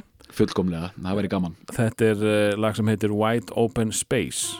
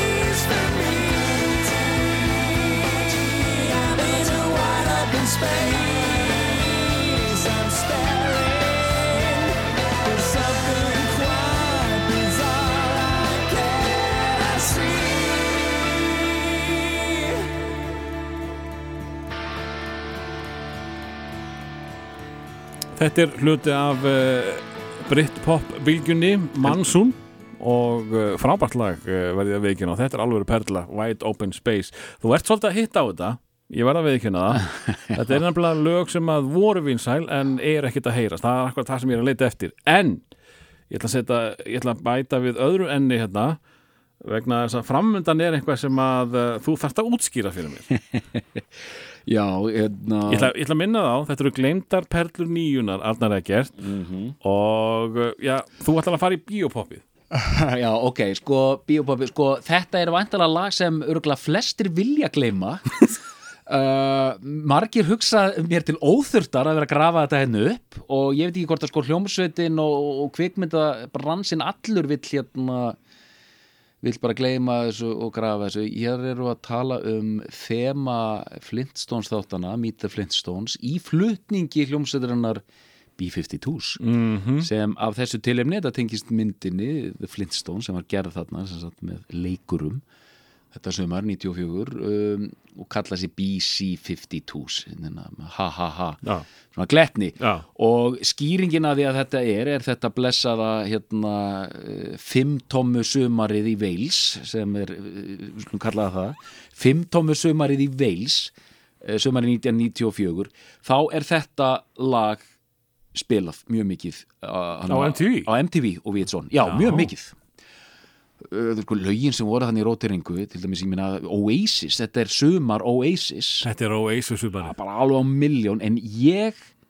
var ekki, ég hafði ekki áhuga þarna Kom það Síðan-? Já, síðan verði ég alveg massífur Oasis aðdáandi Förum aðeins þanga árum við förum alla leið í, í BC eh, bara Britpoppið eh, sem heild fyrir þér Mhm. hvernig, hvernig fannst þér þetta eh, það sem að situr eftir er svolítið eh, þetta einvíði milli Blur og, og, og Mhm. Oasis eh, aðra sveitir eru svolítið að gleymast fyrir kannski utan Pulp og, og einhverju eh, sveit Sko, Britpoppið er mitt já, ég er að reyna að hugsa þetta upp á núna það er pínulítið eftir á fyrir mig, það er kannski meira lært heldur en hitt mm. Að því að 90-91 þá er ég rosalega mikill hérna skóglápsmaður hérna shoegaze stefnum My Bloody, My Bloody Valentine Lush, Slowdive og Ride. Já. allar þessar hljómsveitir. Svona surgpop Surgpop, þar sem þú ert með hárin niður í augu Já. og starir á skónaðina. Já. Shoegaze Já, rocket já, já. já, að því að þú, þú stendur og starir niður á skóna og ég minna eins og Kollarsa Krókrandi tóku þetta dálitið inn í, inn í, í sitt það er algjörlega mitt dæmi Mm. og hérna er það, er ennþá í dag? uh, já, já, það, það á hjarta mitt algjörlega sko. Og þetta að, nýja Ride og þetta nýja Slowdive? Ekki nýja kannski sko, en sko aðtöga að ég er sko 16 þegar þetta er að gerast sko, þannig að þetta hitti mig alveg þráðbeint í hjartað sko og þannig ég finn alveg í dag þegar einhver svona lög, gömul rætlög, gömul mæblóti valentan lög koma þá fer alltaf stað hjá mér. En á þessum árum, 15-16 þetta er svo, þetta er svo stórt tímabil. Þú svo mikil munur að vera 14 og 16 sko. nákvæmlega. Þannig að þegar Britpopið kemur alveg að miljón hérna, hvað ég var að segja, 93-94 þá eru hann 19-20 ára. Þannig að það hitti mig ekkert já, hérna vel og og það er náttúrulega líka útastpop og, og þú ert ekki mikill útasmaður það? Já, ég meina alveg hárrétt greint sko að því ég man því ég var að lesa Melody Maker að hérna dyrka hérna ræð með hárinir í augu þá er pínulítið mynd af hljómsveit sem er að fara að gefa út uh, sína fyrstu smáskifu. Hljómsveit sem heitir Oasis og platan heitir Supersonic. Og á móti mér starir eitt sá al ófrínilegasti maður sem séð ljótur og leiðinlegur. Og ég hugsaði bara hvaða lúðar eru þetta? Þeir hann í þessum leðurjökum fermingar leðurjökum sínum. Og ég var bara Var það fyrsta lukkið? Var það álega fór í úlpundar? já, Já. þeir, þeir, fyrsta lúkið var svona, Svona stuttir liðið ykkar? Já, eh, nei, þeir hengu dálítið yfir en þetta var svona eins og hérna gamli liðjökkin sem fyrst lánaði á pappaðinu með líka. Þeir voru helviti lúðalegir sko. þá er ég að tala um alveg fyrstu kynningamyndindar hjá, hjá Oasis. Þeir voru lúðalegir og ég bara svona þetta á ekki séns í þess að töffara mína hérna í maðurblóti valentæn Nei. fannst þetta ekki mjög sexy á sama tíma er einmitt sveit byrjaðir og já, það er alveg rétt að ég fílaði það ekki Nei, ég bara svona, nei takk og veist, þessar báfi hérna, tengingar þeirra og allt þetta, þetta bara náði mér ekki sko. þannig ég bara svona Varstu ekki neitt báimaður eða? Ekki orðin kannski Nei, frekar einmitt svona já, bara frekar kaldur Mm, bávi maður sko. nú, nú er hérna, býtu, þetta var, þetta var hljóðið þegar Eiríkur Guðmundsson fekk hjartaslag sko. en að bara svona of, of, af- aftur getur sagt þetta of lesin, Mm. þú veist ekki, eh, hann á ekki hjarta mitt hann, hann bávi þannig sko en þannig að já, það var ekki að gerast sveit komaðnin, pölp og ég er bara svona, já já bara, Bara út að spopp eitthvað? Já, bara whatever sko. Þann pölpa, mér fannst þetta alveg cool. Mér var bara, já, ég skil hvað er að gera. Kannski tengdi það hérna Smiths áhuga minn sko, þegar Jarvi sem er svona þetta er svona bókaorma element í gangi þarna. Mm. þannig ég var, ég hafa meiri ást til pölp heldur en hérna sveit til dæmis. Þannig að þú veist, þetta er, þetta er ekki vænlega byrjun hérna breytapopið hjá hann Varnari sko. Nei. en síðan er það alveg á miljón þarna þetta þarna fræga sumar og síðan fylgist maður með þessari baráttu þarna Blur og Oasis og síðan bara gerist eitthvað, ég verði alltaf í alveg rosalega mikil Oasis maður sko. Og hérna, ég meina Óli Palli var svolítið hissa því ég sagði þetta, því að menn myndu halda Arnar komandi frá, hann væri alveg potið Blur mm. ekki Oasis sko. Listaskólinn en ekki verkalistæmið sko. En ég verð algjör Oasis maður og ég og Danni, vinnu minn, hérna, trómuleikar í Maus, vorum saman henni í háskóla, farandi um allan bæinn, hérna, málandi bæinn rauðan og, og syngjandi, hérna, Oasis, hérna, lof, í hvert sem vildi heyra, sko. Og líka það sem vildi ekki tegra Nei, og líka þessu elsku. Og ég, ég, bara, ég satt eins og með Danna og hann var að rífast við einhverjum menn, sko, að því þetta var að nálgast, hérna, slagurinn mikli þegar Country House og hérna Roll With It kom út á sama degi, sko. Og við vorum mikið að veðja hver myndi rústa hverjum, sko. Hörku spennandi tíma, sko. Frábæri tímar og magna hvað fjölmiðlar nettu að gera mikið úr þessu sko. Já, já, og þetta var uh, bara vel spilað hérna hjá fjölmiðlum og, og búa þetta til og þetta er, svo, þetta er alveg ekta, þetta er eins og Stones og Bítlanir, það er svo auðvelt að stilla þessu fram, sko. Mm. Já, nákvæmlega. Manchester, London og verkalýstæmi og listaskóladæmi og allt þetta, sko. Og breytin elskar þetta stjættadæmi, sko. Miðstjætt, gegn lástjætt og allt þetta, sko. Þannig að já, er Skemmtilegu tími þessi britt tími en uh, þessi sveit sem við ætlum að spila næst hefur ekkit með britt pop að gera. Nei, einmitt, og ég, ég vildi nefna það Mm. að nú er ég búin að hérna, þetta lag var mjög mikið spilað þetta sumar, þetta var mikið í, í spilun uh, þetta er líka á þeim tímum þar sem ég fór og keifti þetta lag á sjötómi Já, mm þá hefur nú ekki miklar afsökunir að- þetta sé fimmtómi sumarið í Veils Þú ert búin að koma þetta í sjötómi lífið þitt. Já, kom hérna B-52 inn, inn, inn í sjötómu lífum mitt og hérna, en málega það ástæðan fyrir þetta er hérna er að ég elska B-52 mér finnst það ein bara hljómsveit allra tíma mér finnst allt sem þau hafa, hafa gert svalt og hérna mér finnst Shiny Happy People með Rem þar sem hún syngur hérna, hérna Kate Pearson. Sem að margir þól ekki. Sem ekki, mér finnst það stórkostlegt lag og hvernig þau taka þetta blessaða þema hérna, hérna Flintstones þema og syngja það. Ég bara elska og bara þess vegna erum við komin á, á þennan stað. Þannig að ég ætla bara að varpa fram þessari spurningu, kæri hlustandi er þetta gleimt perla nýjunar?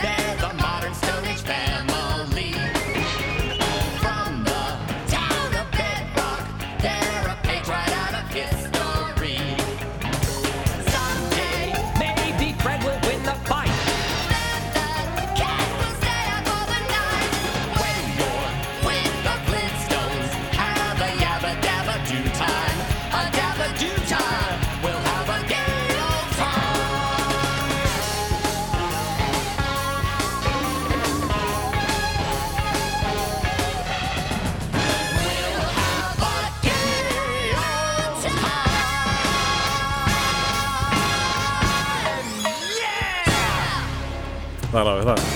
Eða núna bara? Já, já, já, já, já BC52s og hvort að þetta sé toppurinn á þínu lista, ég veit það ekki. Við ætlum bara að leifa öðrum að, uh, tjá sig um það. En uh, En nýjan var það. nýjan var það og uh, ég verð að viðkynna það að það kom mér á óvart að þú hefur sett þetta á lista rétt eins og með næsta lag.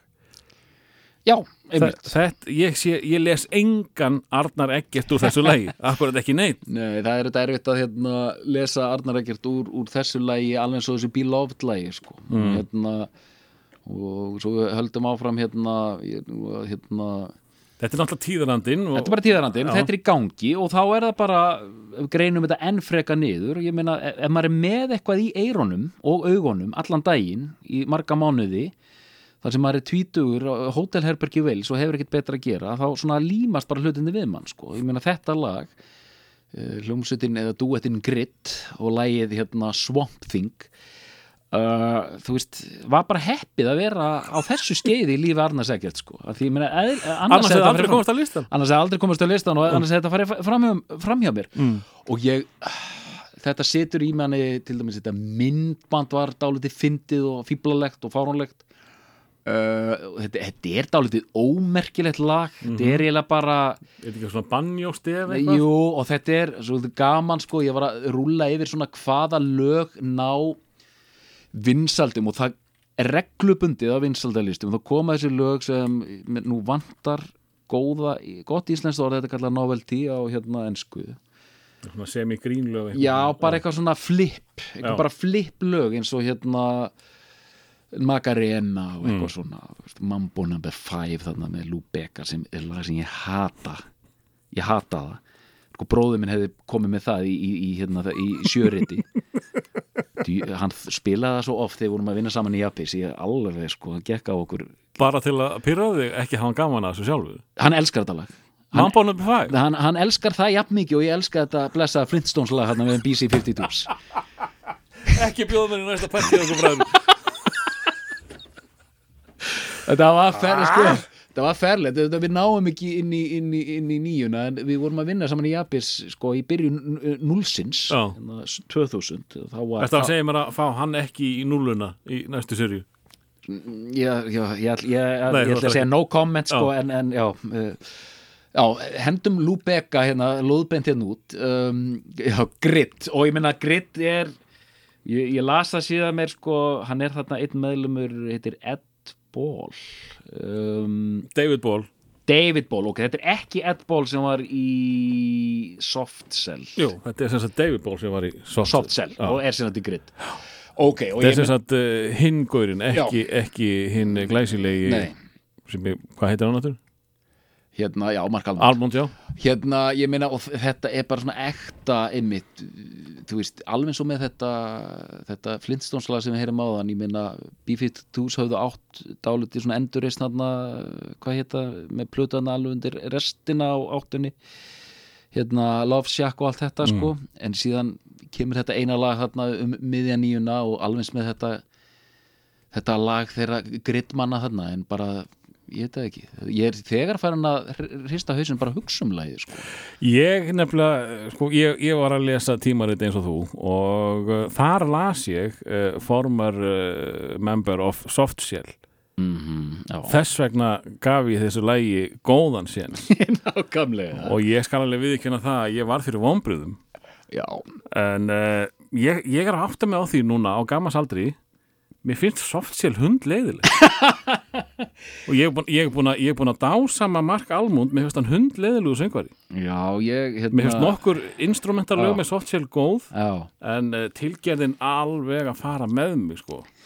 Þetta er eins og hérna því ég auðvitað les mjög mikið og nú er ég búin að lesa mjög mikið af lærðum greinum um softcell og sérstaklega þessar plötur sem kom út á eftir hérna non-stop erotic cabaret sko, og þú veist, eh, tíndar plötur. Og þá fyrir þetta Arnar Eggert allur á stað sko. Já, eftir að gera þetta markandi mambas. Já. já, eftir að skoða þetta Ég á sko. einhverja sólaplötu með Mark Almond og, fannst það aldrei góð en ég kefti það samt. Það er einhver, einhver hann er voðalega lovable gauð já, já, já, hann má eiga það og hann, hann náða að planta mig. Eh, en, en eh, sko þeir, þeir eru rosalega legend í Breitlandi þessar setni plötur urðu nokkuð vinsalar þó, þótt að heimurinn hefði gefið skítið þær þá er brettin alveg á softsel vagninum Já, ég meira bretin elskar þetta einmitt, þú, þú segir sko, þessar hljómsveitir eins og, og, og Soft Cell og hérna, Pet Shop Boys. Mm. bretin elskar allt þetta. Og hvað er þessi ást breta á hérna, Karlmanns hérna, raf duettum sko? Já, þetta er stór spurning sko, ég meina, við getum haldið áfram. Erasure og hérna, Associates og allt þetta dótari sko. Já, þegar þú segir það. Þetta er eitthvað stúdía sem þú ert aðeins að hella þér út í Þetta er sum sé annar helmingur softshell og uh, einhver sem að syngur ekki þetta eru tveir teknikallar. Uh, Grit heita þeir og The Swamp Thing.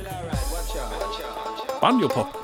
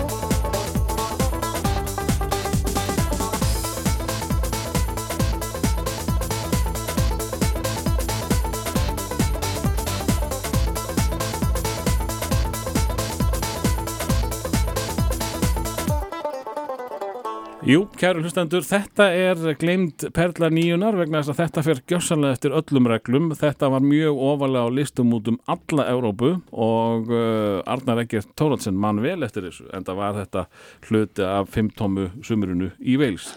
uh, Grit og Swamp Thing heitir þetta lag. Þið gerðu eitt lag viðbútt held ég sem að náði einhverjum vinsaldum og það var öllu skarra. Uh, Banjo var ekki með þar. En ég fer einmitt að hugsa, sko, hver er kvarðin sko að það er greinlega sumlög þetta sumar 94 sem voru greinlega spiluð þetta rep sko Mhm. að þetta er bara heila fóttur sko að, að þess vegna kem ég nú með þetta lag hérna Þetta kemur á sama tíma og hérna. Þannig að svona í sammenningu náðu þetta uh, náðu þessu lög að rífa sig upp á listan þetta er, þetta er ferlegt sko, þetta er svo makarena og allt þetta mm sko, þetta er alveg rosalegt sko.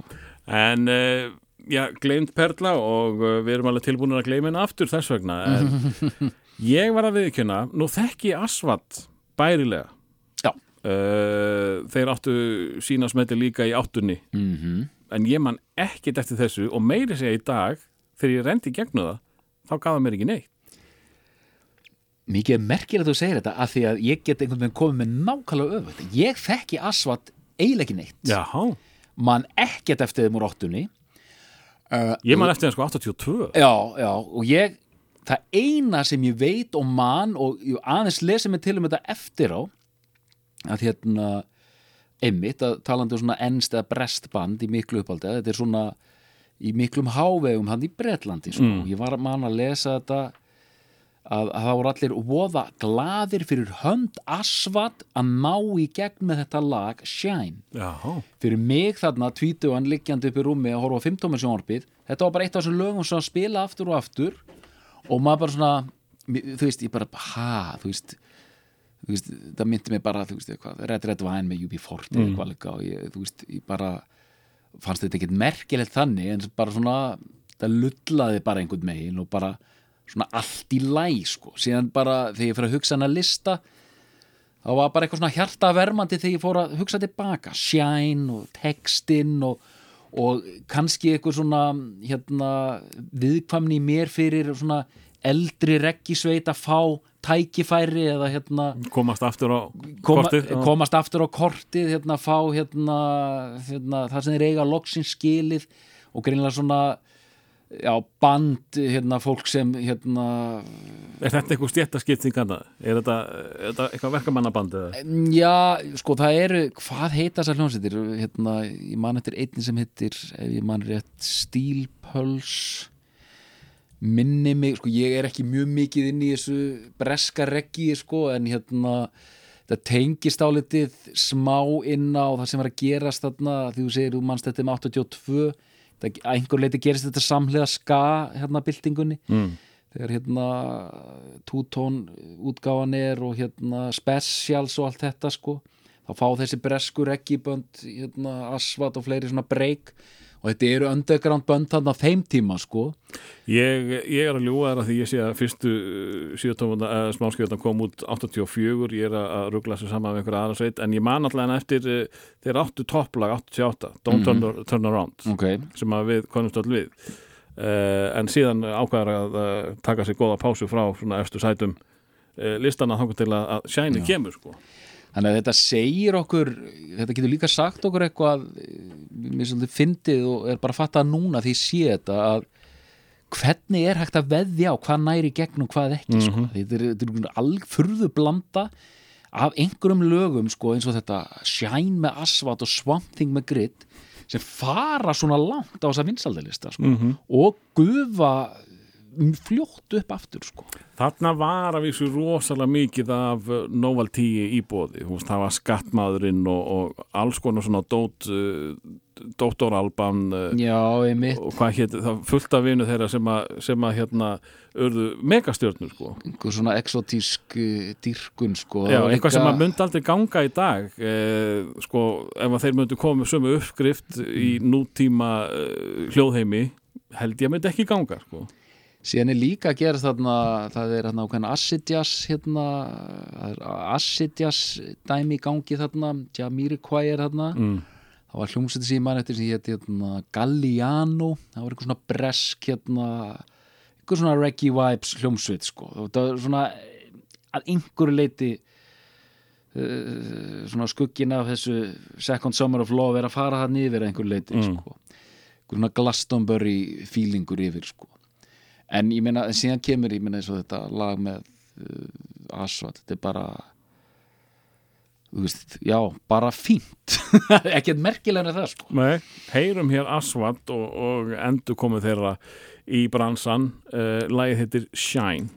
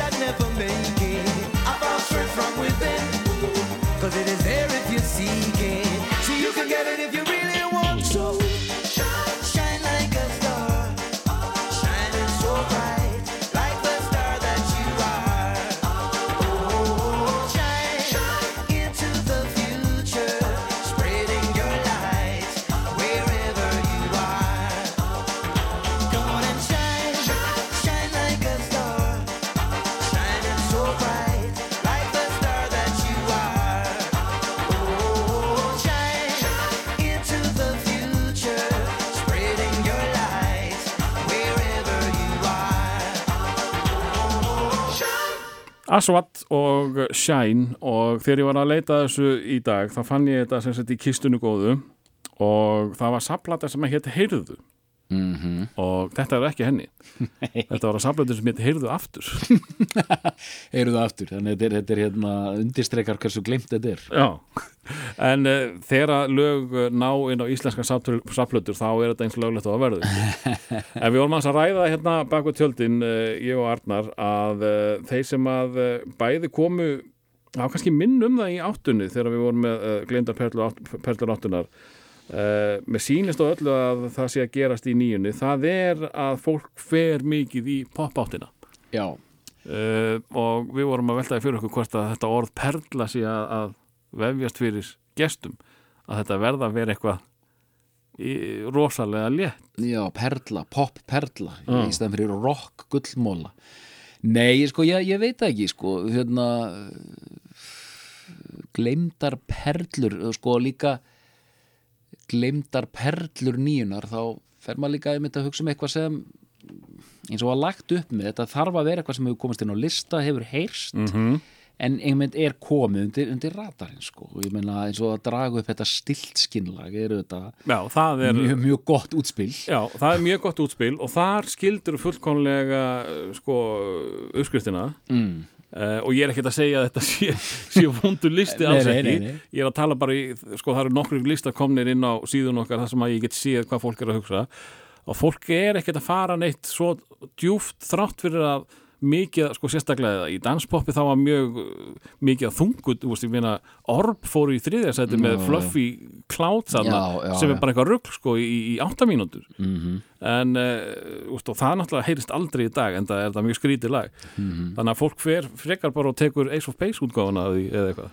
Já, já, og ég sko eh, en svo, svo ég tali fyrir mig persónlega, ég einhvern veginn eh, einmitt, ég fór bara strax að hugsa á svona útarpsvænum poplegum nótum sko, og var einmitt að reyna að hitta þarna einhvers staðar í miðuna sko, einmitt ekki rosa vinsalt, en einmitt ekki vera þreytandi gaurinn hérna að monta sig að því hvað hann hérna er, er klára, veit, mikið og er klára að finna einhverjar hérna sjaldgjafar bjöliðar sko. það, það er ekki málið og líka bara geta sagt einhverjar sögur í, í kringum þetta sko, eins og Nákvæmlega, nákvæmlega og, og, og enda hef ég mjög gaman að þessu ég, Já, ég, ég- er ekki að skamma Já, þess nei, nei, sem gest Nei, nei, nei, nei, nei, nei. Við, erum bara að velta þessu konsepti fyrir okkur sko. og uh, ég hendi nú þessari spurningu á þig meðan að lag hljómaði og líka á kjartan uh, kannski vegna þess að þetta er uh, nálægt mínu hjarta en það er að uh, við erum að kljást við mikið trippopleysi Einmitt.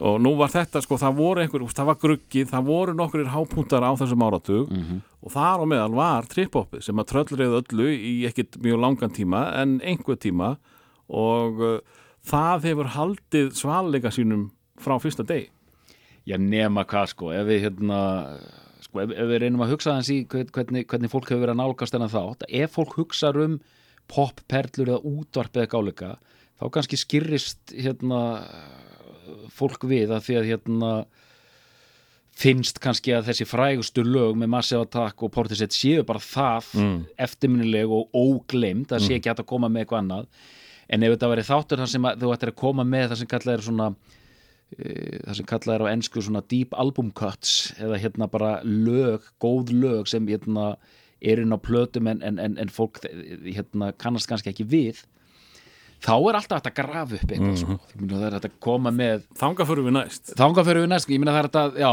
einmitt. Það er þetta að fara inn ég um hljómsveit eins og U2 það er þetta að koma með fullt af lögum sem eru þarna lag nummer fjögur á War sem heitir hérna, þú veist, Like a Song eða eitthvað sem kannski engi mann eftir en þekkir þó, þetta er einhvers staðar hérna á milli sko. eh, ef við ekki að taka tvö? Þú, þú ert með þarna varamenn og uh, samkvæmt plani þá ætti að vera eitt lag eftir. En ég vil endilega fá útskýringu á því að þú ætlar að spila sem sagt lagið á eftir næsta lag. Já, ok, ok, ok. Það er eins langt frá Arnar Eggerti og ég get mögulega fundið lag. Já, já, einmitt, já, ef við setjum myndið kvarða, einmitt, Já. ég sé hvernig það lítur út. Og, og, og sko næsta lag er, er mikill Arnar held ég.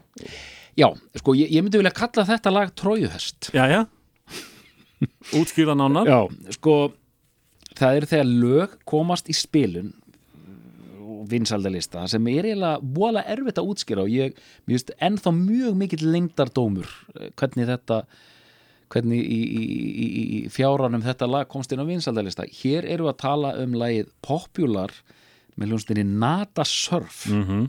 og þetta er sannlega einn smellungur fyrir þessa hljónsveit Máli er það, trójuhestur að því að þetta lag, þetta er nýbylgjurokk og hljómagangurinn og hvernig það er uppbyggt og það er ákveðin kabli í laginu sem minnir mjög mikið á hljómsveit sem heitir Slint. Mm. hljómsveitin Slint eru svona góð í, hjá þeim sem hlusta á því svo kallega síðrock eða postrock. Hljómsveitir eins og Sigur Rós Godspeed You Black Emperor Mogwai uh, og þessar hljómsveitir sem kom upp um kringum 2000 og spila svona oft ósungna episka háaða rock. Mogwai væri kannski svona þekktasta nafnið. Mm. allar þessar hljómsveitir voru undir gríðalegur áhrifum uh, af þessari hljómsveit Slint sem gaf út plötu sem heitir Spiderland árið 1991 uh, og uh, Steve Albini tengist inn í þetta band þannig að þetta er eins hérna uh, helsvart og niðurgrafið og hugsast getur síðan kemur hérna hljómsveit sem heitir Nata Surf með lag sem heitir Popular og þetta er bara nánast svo poppuð útgáfa af lægi sem þú getur ímyndaðar að hefði átt að vera á blötunni Spætaland Já, þannig að fyrir mig að heyra þetta lag bara nokkur reglubundið í hérna í, í útvarp og sjónvarpi var bara eins og sko, þetta er bara eins og að ná að anda. Komið með sko þetta þetta Swamp Thing og Asvat og, og, og hérna BC-52 og allt þetta djöfulsins dótari endalaust kom ekki bara hérna slimt í dulargerfi við og við og hérna og bein tengja mann við Sonic Youth á nýjanleik sko. Þannig að sko þessin að segja trójuhestur og mér finnst ég alveg úskiljanlegt að hérna, þetta lag svona uh, komist inn. En svo, svo við reynum að skilja þetta þess betur og, og þessi hljómsveit, þetta er alveg hörku sveit. Við gefum út slatta plötum þetta er bara svona þægilegt háskólarokk getur við sagt. Ég er ekkert í, í, í líkingu við þetta? Ég, ég hef heist að taka hérna the City Já, gera mjög vel. Mm, ekkert í líkingu við þetta sko, eh, þetta var algjört eh, svona ein, ein, einsmellungur mm. síðan hafa þær gefið út plötur annars slægið og þær eru einmitt, þær eru ekki líkingu þetta það er svona dægilegt háskólarokk svona svo teenage fan club eða hvað líka, bara, svona, bara svona þægilegt sko. Mm. um, og já og, og, og, og, sko það má kannski segja að smá vís er í þessu Já, einmitt, einmitt. eh, það kannski Strömmið er svolítið vísilegt já, þannig að það útskýrir kannski af hverju þetta komst nú í spil og er ekki textin líka svolítið svona eitthvað sem að fólk kannast við? Jú, einmitt, þetta er eins og creep hérna með radio þetta Já, sko. já, og það sem er slintlegt við þetta lag, svo ég bara útskýri þetta fyrir ykkur nú er ég að munna, það er sem sagt upphafs hérna er það ekki þegar rockið Nei. þetta er inn? Það er ekki þegar Rocky kemur. Rocky er svona ekta víser Já, en hérna upptakturinn að því þegar hann er að tala að því að slint sem sagt talaði oft í lögunum sínum. Ah. það var svona talsungið oft. Eh, Eh, hérna svona mumblandi einhvern veginn tal og gítarspilið þetta er bara, þetta er bara eins og lag af þessari plöti spæðiland sko. Þannig að stórfyrirlegt sko. Þetta var uh, risasmellur á Exunu í gamla daga og er eitt af fáum lögum sem að lifa af uh, country uh, breytinguna á, á Exunu þegar það átt að gera þetta að rockstöð Mm, og, og uh, heyrist sem sagt enn þann dag í dag þar. og, og kona mín á þetta með þess að setja singli Hættu nú, hættu nú. Uh, Nata Surf, Popular.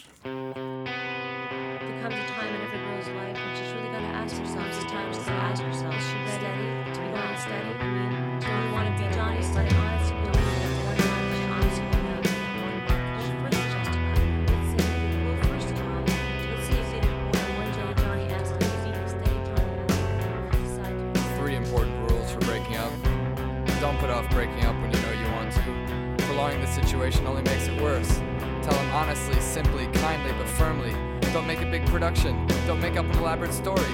This will help you avoid a big tear-jerking scene. If you want to date other people, say so. Be prepared for the boy to feel hurt and rejected. Even if you've gone together for only a short time and haven't been too serious, there's still a feeling of rejection when someone says she prefers the company of others to your exclusive company. But if you're honest and direct and avoid making a flowery emotional speech when you break the news, the boy will respect you for your frankness and honestly, he'll appreciate the kind, straightforward manner in which you told him your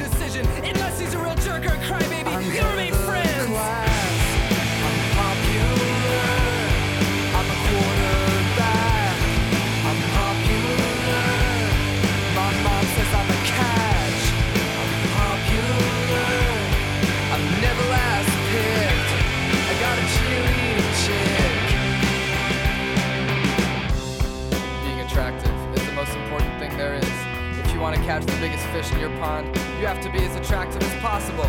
Make sure to keep your hair spotless and clean. Wash it at least every two weeks, once every two weeks. And if you see Johnny Football Hero in the hall, tell him he played a great game. Tell him you liked his article in the newspaper. I'm the party star.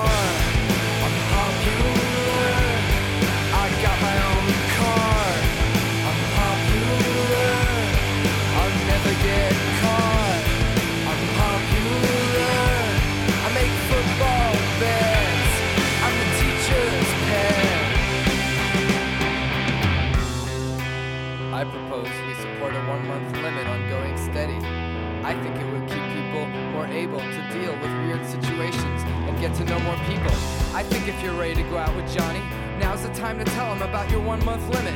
He won't mind, he'll appreciate your fresh look on dating. And once you've dated someone else, you can date him again. I'm sure he'll like it, everyone will appreciate it. You're so novel, what a good idea. You can keep your time to yourself, you don't need date insurance. You can go out with whoever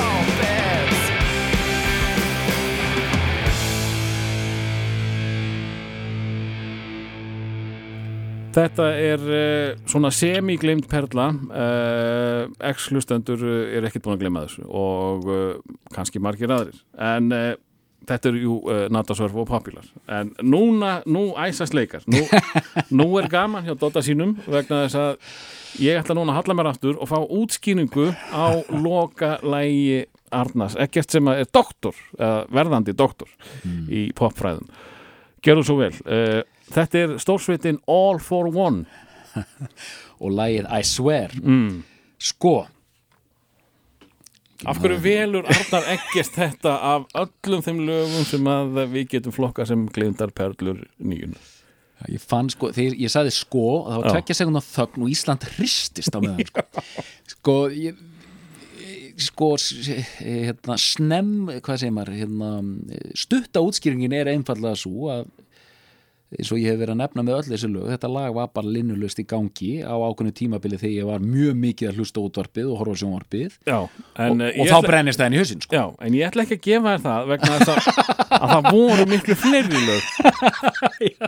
Sko, þú ert búin að þú ert búin með sénsinn með BC, BC-52s og, og Swamp Thing já ég skil, ég hérna og þess má geta að lægin sem við náum ekki að spila er Breakfast at Tiffany's sem að margi telja leiðilegt að laga sögunar Ok, já, ég skil, ég, þetta, ég er búin að reyna að fría mig á svona kaldan hátt að þetta sé nú bara allt tilvílunum háð en nú þurfum við að segja að betur Arnar, það er eitthvað í þessu sem þú fílar í alveg Það, þú veist, einhverju ástæðan vegna þess að sko, þú ert mikið, mikið tilbúin að nota þetta sumar í veils, fi- fimm tómu sumarið.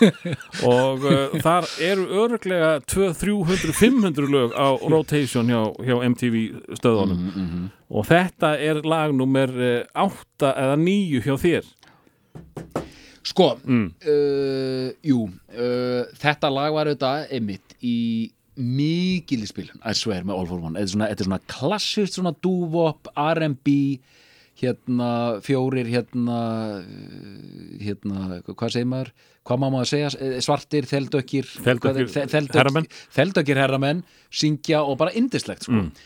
Hérna, uh, ég verð samt að viðkynna, og ég, en ég gati auðvitað ekki sett það lag af því það er alls sannlega ekki glemt perla. Það er lag sem er samt mjög svipa, það er lagið sem hérna Boys to Men sungum með Mario Carey. ég, sko, ég held að sé gleynd perla því ég veit ekki einu svona hvað það heitir sko. Ok, já, ég, ég frekar átt að stilla því en sko.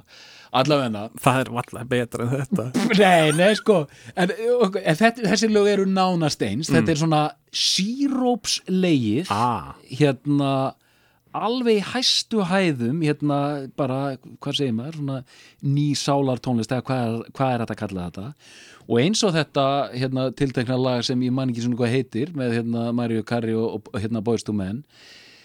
Og ég elska þetta, ég bara elska þetta ég fíla það, Þú fílar það? ég bara fíla það. Og þá er það þannig Og nú ertu búin að henda í burtu þessari fimmtómu veils afsökun? Já, og ég bara fíla það. Og, og hann sagði þetta, hann hérna Black Francis eða Frank Black í Pixies hann sagði sko, gæsahúð er gæsahúð. Og þú getur ekkert falið þig og komið með einhverja doktorsútskýringar hérna gagvart því, mm. annarkvort fílar hlutin en ekki sko. Þannig að þetta er hérna já, I swear með All for One. Ég verð að gefa þér tíu fyrir það að ofinbera að því ég, ég, sko, það er bara ég, ég hef aldrei höndlað þessa tónlist. En, uh, en uh, ég er bara mjög ánað með uh, bæði fyrir þína hönd og, og þjóðarinnar að, að doktorinn opni sig hér með, með ást sinni á All for One og, og þessu lagi. Að láta þetta vera loka orðin Látum þetta vera loka orðin, þetta er orðið bara, þetta búið að vera stórkostlegt. Eh, ekkert minna, ekkert minna. Og við getum ekki endað þetta á betri nótum en nákvæmlega þessum. Arnar Eggert, uh, takk kærlega fyrir uh, komuna, gangi ég vel með að verja þessa uh, rítgerðina sem þú, þú tekur fyrir hvað? Ég tek hérna samfélag íslenskra dag og tónlistamenna í dag á Íslandi. Í dag? Já, Aha, eins og það virkar í dag. hljóma spennandi og hvenar er mögulegt að, kíkja á, á Á gripin? gripin, ég hérna, ég þarf að verja hann og það er einhver tíman í haust, ég fæ ekki nákvæmari dagstendingu hjá þeim það núti. Mm. og þú veist og þá þarf einhverja lagfæringar og síðan eh, verður hægt að eh, koma þessi einhver starf framfæri og þá geta Íslendingar svona snöðrast um eh, einmitt, inn í hugar heim íslenskra dagur tólustamanna Segir doktorinn, takk fyrir. I swear by the moon and the stars in the skies. And I swear like the shadow that's by your side.